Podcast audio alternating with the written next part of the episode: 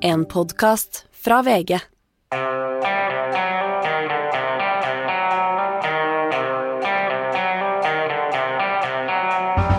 Hvorfor tar vi egentlig ikke Vladimir Putin helt på alvor? Og forblir Innlandet et samla fylke til tross for folkeavstemningsresultatet? Det her er Gjever-gjengen den 23. eh, 23. februar. Ja, vi må begynne med Ukraina. Det er dystre dager, altså. Per Olav Ødegaard. Eh, som jeg sa i starten her, Putin har altså i lang tid, eh, altså helt siden han tiltrådte egentlig som statsminister, og, da ble president etter hvert, sagt at han vil gjenskape skal vi si, Russlands storhetstid. storhetstid da. Eh, ikke nødvendigvis Sovjetunionen, men altså da Russland var en imperial makt. og, og og nå, da, når han går for alvor inn i, i Ukraina, er det, er, det, er det, den ambisjonen vi, vi, vi, ser nå? Ja, det er lenge siden Putin sa at Sovjetunionens undergang var den største geopolitiske katastrofe i det 20. århundre.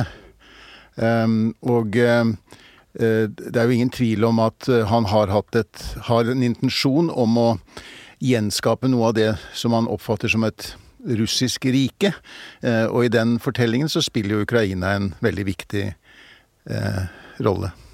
Og det så, så vi jo i den ja, vi må jo kalle det en, en bekmørke talen han holdt uh, på tirsdag uh, i går. Uh, eller var vel sent på mandagskvelden der. hvordan, altså, Han sier at Ukraina bare har eksistens, eksistensberettigelse i et såkalt partnerskap med Russland, da, og at det ikke finnes noe grunnlag for et selvstendig Ukraina. Det er jo rene ord for penger. Ja, og jeg må jo si at eh, selv om vi kanskje har forstått hans langsiktige planer og tatt det innover oss, så må jeg si at det var ganske eh, Gjorde et veldig sterkt inntrykk å se han i den talen, en 45 minutter lang tale der på mandag kveld. Eh, fordi det var en sånn tale som var så fylt med ja, både myter, eh, historiske myter, men også med trusler og veldig mye bitterhet. Eh, og mye sånn eh, klagemål, da, over at Russland var blitt et offer. Og hvordan dette nå Hvordan nå han ville forholde seg til det. Og jeg syns det var en ganske skremmende tale, rett og slett. Og, Ble du overraska at det var såpass Jeg, jeg var egentlig det, fordi at man har tenkt på ham som en ja, kynisk, men også pragmatisk og på en måte rasjonell leder, da. Som har vært Og man har liksom det var, det var, noe som virket skremmende der, som, jeg ikke har sett, som ikke jeg i hvert fall har, opp, har sett like tydelig før. Men han har jo, som, jeg, som han begynte med, altså, som uh, tidligere amerikanske utenriksminister Madeleine Albright skrev i New York Times uh, i dag, at det er Når hun møtte Putin første gang, så sa han også det samme, og du mente jo det, sa jo det i stad, det med den geopolitiske skandalen, oppløsningen av Sovjetunionen. Så vi, det har på en måte ligget her hele tida, men, men, vi fikk det så, skal vi si, rett i, i, i ansiktet, da, uh, på det, det han sa på mandagskvelden. Og, og, når vi ser da den enorme styrkeoppbygginga, og nå at de går inn, delvis da, i hvert fall inn i Øst-Ukraina, så er det du, man, man, Det går litt kaldt over ryggen. Du, du får, det, det, er lett å ta, ty til også sånne historiske paralleller her. Jeg syns det var ganske interessant å lese som Madeleine Albright skrev. Hun var utenriksminister i USA fra 1997 til 2001, eh, altså under Clinton, da.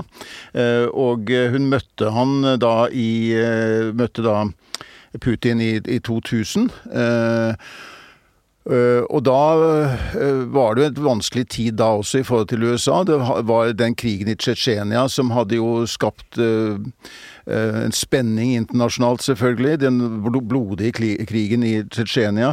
Men hun, hun, la jo merke til at han var så veldig annerledes enn sin forgjenger, da, Boris Jeltsin. Eh, fordi at eh, han var på en måte alt det Jeltsin ikke var. Han, var. han, snakket uten følelser og uten notater, som hun skriver. ikke sant? Han, han snakket, han hadde, trengte ikke noe, noe notat, han, han, men han var veldig sånn Han var vel edru også, for øvrig. Helt sikkert. Og han var, han var liksom veldig kjølig, liten og blek, beskrev han som. Mm. Eh, men, men egentlig så var det en ganske sånn på en måte en slags posit, posit, positiv vurdering i den forstand at det var kanskje en mann man kunne forholde seg til og gjøre avtaler med og, sant, og kunne gjøre business med, da, for å si det slik. Fordi han, nettopp fordi at han kunne da se ut som han var en pragmatisk mann, og en Og, og, og, en taktiker, da, som vi også har sett, ikke sant. Men likevel en, en som man kunne få et slags pragmatisk forhold til, da. Eh, og så har vi jo sett at i de 20 årene som har gått siden den tid, så har han jo brukt mye tid på å samle politisk makt økonomisk makt. Eh, fjerne Altså, motstandere er blitt eh, forsvunnet ut på sidelinjen på, forskjellige vis. De det, er det er knust alle egentlig indre opposisjon. Og jeg, jeg, var jo det andre ting vi så de siste dagene. Det var ikke, det var ikke bare hans tale, men det var også det at han hadde et behov for å begrunne det han gjorde ved å innkalle Det nasjonale sikkerhetsrådet med å, eh, og, eh, å ha, få dette her godkjent i, i, i, politisk, eh, på politisk plan, ikke sant. Og, og, og, du ser jo alle i den kretsen rundt, dette ble jo TV-sendt det òg, alle er jo nikkedukker. Det er jo ingen opposisjon. Og det er jo poenget her, for å vise at her er det enhet fra oss. Her er det ikke bare en, en, gal diktator, her er det helt samla Russland som går inn, da. Ja, i hvert fall et samlet regime, ikke sant. Ja, men han, han, prøver, han prøver, jo å fremstille seg ja. som han snakker Russlands sak. Han er på en måte Russland personifisert, da. Absolutt. Og dette var jo og den talen som han holdt den eh, mandagskvelden, var jo selvfølgelig ment som en begrunnelse for sine egne. Han snakket nok mer til sine egne enn han gjorde til eh, omverdenen. Hvis man skal, eh, Jeg nevnte historiske paralleller, man skal alltid være forsiktig med det. Men altså, det her er jo en snakk om en slags sånn, det som ofte også kalles eh, irredentisme. Altså man skal skape et hjem for uh, det folket man representerer. da, og Han mener jo at Ukraina er en del av Russland. Han mener at ukrainere er russere, nærmest. ikke sant? Og, og, og vil da hente tilbake de områdene. Det, det er jo en klassisk sånn imperietankegang som vi kjenner igjen fra ja, kjenner jeg fra Tyskland. Eh, eh, det var jo også en begrunnelse for det, for det eh, naziregimet gjorde etter nederlaget i første verdenskrig. Det var en slags revansjisme.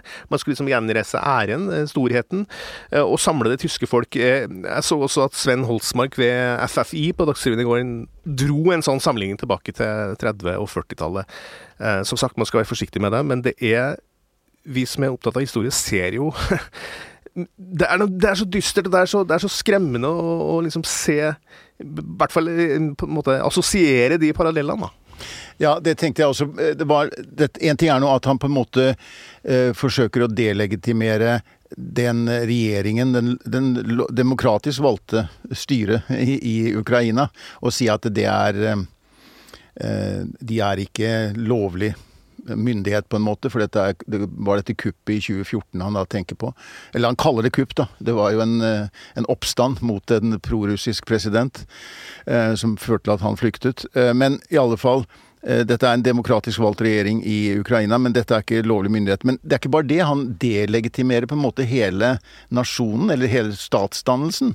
Så, eh, og det er et ganske skremmende perspektiv når man nå ser at han har tatt for seg stykkevis og delt, altså først annektert Krim, um, så nå godtatt, eller, eller anerkjent disse opprørsområdene, sender inn fred, såkalte fredsbevarende styrker, um, tar Ukraina bit for bit, legger Hvis det skulle bli noe mer uro ved grensen mellom disse områdene, så sier han at Ukraina har all, alt ansvar for det.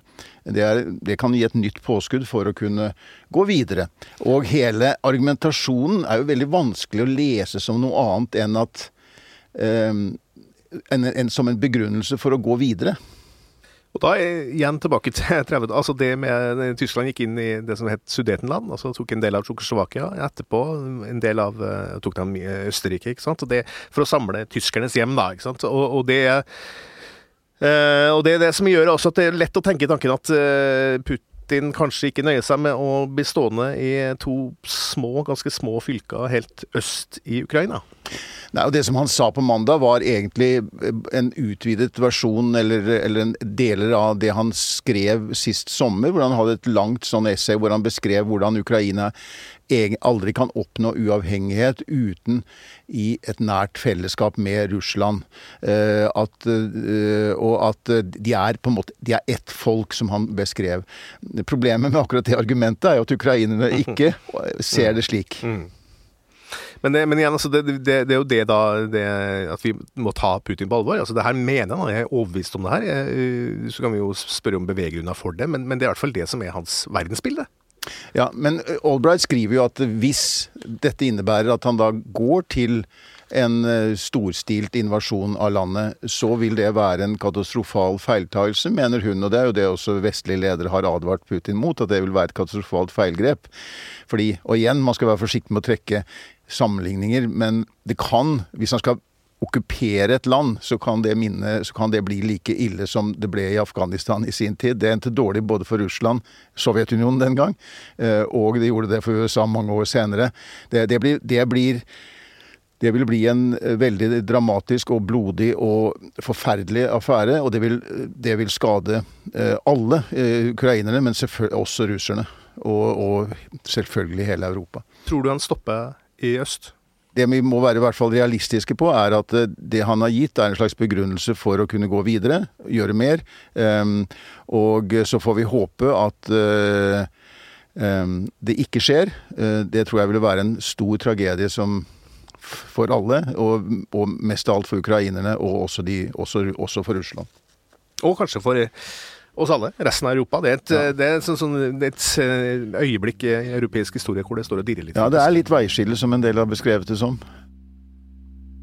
Da eh, skal vi over til noe som vi baler med i Norge, som er eh, mildt sagt eh, ikke like alvorlig. Eh, Men det er et veiskille? Ja. Vi snakker da som fylkeskommunen, det her i det mystiske mellomleddet i norsk forvaltning. Eh, for nå, da, Tone Sofie Aglen, så er det sånn at Innlandet, da, det, det er et gigantisk nytt fylke som består av altså, de, de, gamle Hedmark og Oppland. Eh, der går det noe mot at det ikke blir oppløst. Sånn som eh, eh, det ble da bestemt i en folkeavstemning, eller altså et slags flertall der oppe mener at det, det, bør oppløses. Men det har da fylkestinget bestemt at det skal det ikke gjøres. Hva, hva, er, hva er det her for noe? Det er, uh, har vært en lang og ganske vond politisk prosess uh, i Innlandet, uh, hvor spørsmålet om man skal dele opp eller ikke, det er vel rett å si at det splitter både folk, det splitter etter politiske partiene, både mellom partiene, og de fleste er ganske delt. Jeg fikk vel høre at det eneste partiet som ikke hadde ulike meninger eh, i Innlandet, var Venstre. Og det må vel være den første saken hvor Venstre faktisk er samla om én eh, eh ja. ting. Og det splitter jo ja, også Med Venstre så lite oppi der. Ja. ja, men du, jeg tror ikke det er noen nedre grense for hvor få venstrefolk det kan være før de har ulik mening. Nei, og det som skjedde før jul, når man skulle ta stilling til om man skulle løse opp eller ikke, var jo at eh, en utbryter fra Arbeiderpartiet eh, sørga for at det ble folkeavstemning. Det har man jo nå nylig hatt, eh, digital folkeavstemning, som ga et verst mulig resultat, egentlig, for for de politikerne som skulle ta en avgjørelse. Det viste vel at det var 51 omtrent for 50,7 var det ikke det? Altså, jeg tror det var, det var som marginalt at det Ja, det var 51, og så tror jeg det var 48, et eller annet på eh, mot, og med en valgdeltakelse på 46 jeg, jeg klarer ikke å bestemme om jeg syns det var bra eller ikke. Eh, fylkeskommunen har jo ikke noe høy valgdeltakelse, men det her var en sånn eh, digital hvor alle fikk en eh, tekstmelding, og det var liksom Det var som å bestille en kinobillett. Veldig enkelt, da. Men det sier jo kanskje litt om engasjementet. Kan, kan, kan det ha gjort at f.eks. eldre folk ikke var med og stemte, eller? Ja, det er jo litt av det som har vært debatten der. Men det har nok helt åpenbart eh, bidratt til at mange unge og, andre har vært med og stemt. Uh, men det her har særlig vært vanskelig i Arbeiderpartiet, som, som har vært for å videreføre Innlandet, men også mange motstemmer der, og ikke ønska en folkeavstemning, men en sånn brei høring, som de kaller det. Nå ble det jo flertall der, og, og, og så sa de jo, når de skulle gjøre den beslutninga, at de skal ikke bare ha folkeavstemning, de skal også ha en bred høring hvor de spør alle kommunene, de spør forskjellige organisasjoner og andre som er, eh, som er en samarbeidspartner til fylkeskommunen. Og de har også hatt en eh, medarbeiderundersøkelse for alle de ansatte. Det er jo ganske krevende. Som, som har vært gjennom en lang omstillingsprosess, og som også står overfor eventuelt en ny Ja, det er jo litt synd i de, alle disse fylkene som nå har holdt på i flere år og hatt prosess for å slå seg sammen. Og nå, men i hvert fall, eh, det var jo ganske tydelig flertall for å bevare Innlandet både i høringsrundene og, og, hos de som jobber i fylkeskommunen. Uh, og det her er gnagd Arbeiderpartiet. I går så var det vel eh, et sånn dramatisk møte, som vi mener liker å si, som, hvor representanter... Men det var dramatisk, for ja, det var der også. dramatisk. hvor et flertall på 52 mot 50 gikk for å oppdele nei, ikke oppdele eh, fylket. Og i dag har det altså vært fylkesting eh, som har tatt en beslutning. Og det har jo egentlig vært en aldri så liten festdag for alle oss som er glad i fylkeskommunen. For det har vært både fylkesting på Innlandet og i Viken som har diskutert.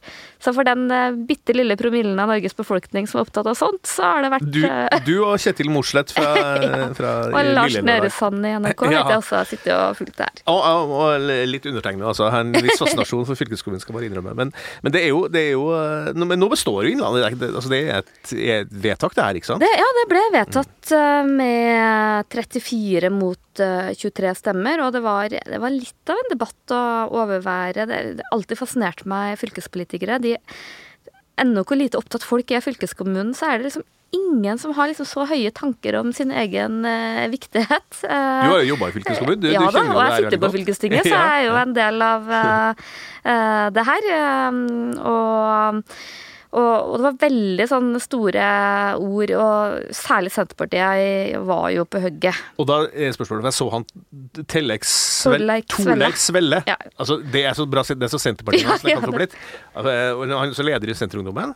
Uh, han kaller det altså det som skjedde da i dag, for, for en demokratiskandale. Det er store ord. Skandaleordet henger litt løst hos politikerne om dagen, uh, må det være lov å si. Og, og var liksom eh, Han var vel kanskje den som eh, tok eh, mest i fra talerstolen, og veldig sånn sint på Arbeiderpartiet, da, som gjør det her, og, og mm, ja, men det har jo også vært en veldig sånn veldig ugrei prosess, tror jeg. Det har vært veldig mye sånn en veldig sånn polarisert debatt. Det har vært veldig mye sånn hets i kommentarfeltene rundt omkring. Så har man dratt ut sykehusstrid, da, og hver gang det blir en sykehusstrid, så så, så blir det full fyr i alle telt. Og så er det sånn sentrum-periferi-greie her også. Ikke? det? Altså, Ja. Det er byene mot eh, de mindre kommunene litt lenger Ja, og, og det er jo liksom Innlandet er jo litt sånn prega av at det er jo tre byer, Hamar, Lillehammer og Gjøvik, som liksom krang, har veldig mye sånn der eh, kamp seg imellom. Og vi så jo til og med at Hamar-ordfører eh, Einar Busterud. Ja. Det tror jeg jo til og med med at eh, hvis dette her oppløses, så flytter Hamar sørover. Han sa jo for øvrig at det som er sant, er at de gamle fylkene ble, ble dratt opp av fulle dansker på Ja, 1700-tallet. det var egentlig et godt Ja, poeng. ja. For liksom, veldig mange er liksom opptatt av at det her er liksom hugd i, i stein. Og det er jo det som er liksom vanskelig for fylkeskommunen, er jo at uh, det, er jo, det er jo distriktene og de minste kommunene som er mest avhengig av fylkeskommunene. Det har jo sett så veldig godt i Trøndelag òg. Jo større kommuner det er, jo mindre opptatt er man av de, og kanskje søker mer mot, eh, ja, mot sentrale østlandsområder hvor man har kollektivforbindelser, folk jobber og bor og, og tenker veldig annerledes, da. Eh, men i tillegg så Jeg har liksom pr prøvd litt de siste ukene å snakke med en del av, av de som eh, har vært veldig motstander av å av eh, disse nye fylkene, deriblant uh, fylkesvaraordføreren i eh, Innlandet, Aud Hove, som er fra Skjåk, som jo er en sånn skikkelig utkant i Mm, gamle Oppland. Helt nord i Oppland, Ja, helt nord, eh, nær, nær Dovre mot eh, Vestland. Og liksom det liksom de beskriver, da, som jeg syns er litt synd i det òg, det er jo De opplever på en måte noe med at den avstanden blir større. Eh, liksom sånn sakte, men sikkert så flyttes liksom møter og makt. Eh, Og det tenker jeg liksom, sjøl om jeg mener at Innlandet har gjort en fornuftig beslutning, så jeg tror det er veldig viktig å ta den bekymringa på alvor. Og det var også noen ting jeg så veldig godt i, i Trøndelag, sjøl om jeg også mener at det var en riktig sammenslåing. Så jeg satt jeg liksom og så fylkeskommunale møter i Trondheim hvor jeg hørte politikerne eller var litt sånn der Å nei, vi må skynde oss å bli ferdig så vi rekker å hente i barnehagen Ja. og sånn. Og så satt det liksom Så det er 50 mil nord til der, Ja, der, der du kommer fra, der- ja, faktisk. det var liksom, folk har liksom fem timer reisevei.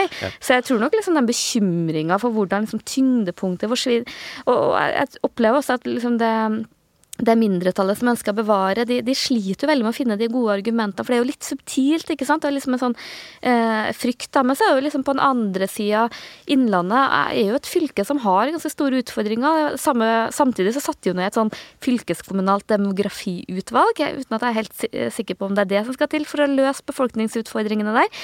Så er det veldig mange kommuner, veldig mange eh, eksempel Valdres er jo et område med 18 000 innbyggere. Det er seks kommuner. Ja, det, det var en som sa at hvis du kjører oppover de dalene her, så, så kommer det et rådhus hvert, eh, liksom, eh, rundt hver sving. Ja, det er nesten mer rådhus enn det er folk, og, og det, det er veldig næringsfattig område, må det være lov å si. Og, uh, så det er et område, så jeg tror nok at uh, ved å få liksom prøve å bestå, da, at det kanskje er lettere for dem, og de har jo ikke hatt noe enkel start med pandemi, og alt har vært på Teams og sånn, så Men nå, nå blir jo Innlandet vil jo bestå. Fylkestinget har sagt sitt. Hva har det her å si for samarbeidsklimaet mellom Arbeiderpartiet og Senterpartiet? Nei, Det er jo noe av det som er interessant. Eh, for i Viken så fikk man jo også en litt opplevelse av at disse separatistene i, i, i, i Viken, som eh, kanskje ønska at eh, det skulle bestå da, i Arbeiderpartiet, det var jo sterke krefter der. De ble veldig slått ned, og, og mange i Senterpartiet brukte veldig sterke ord om at dette var et svik, og dette ville ødelegge og sånn.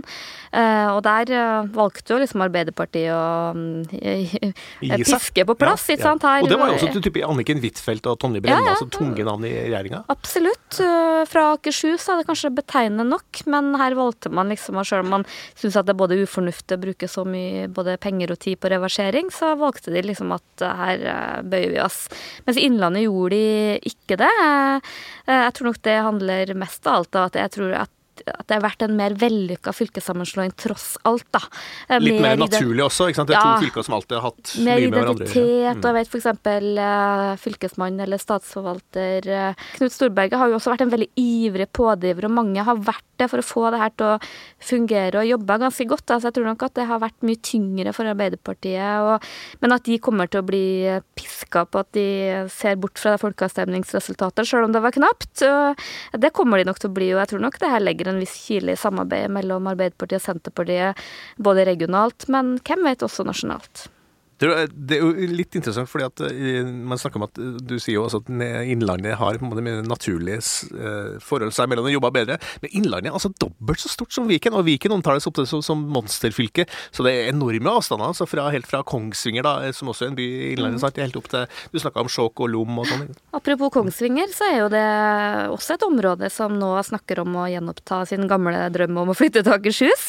For det er jo helt sånn åpenbart et område som pendler, har samme sykehus, veldig mange jobber imellom. Og, og hvis nå de får gehør for det, så drar jo de litt med seg sine nabokommuner. så det er jo mye, men, men, jeg er helt enig, Viken av en eller annen grunn har liksom fått det her monsterfylket. Og, og, det er liksom sånn fra, fra Halden til Hallingskarvet, som at det er liksom helt uh, to vidt forskjellige verdener. Men bare i Trøndelag er jo mye større avstander og ganske store eller sånn, kulturelle og geografiske forskjeller òg, uten at det problematiseres.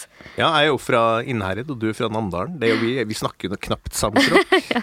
Nei, vi skal ikke tulle for meg med det her. Altså, Innlandet skal da, vil da bestå uh, inntil videre, før det, det eventuelt kommer en ny, ny, prosess. Man vet jo aldri med fylkeskommunene. Det utløser jo mye følelser og identitet. Det er kanskje det det handler om uh, in the end, da.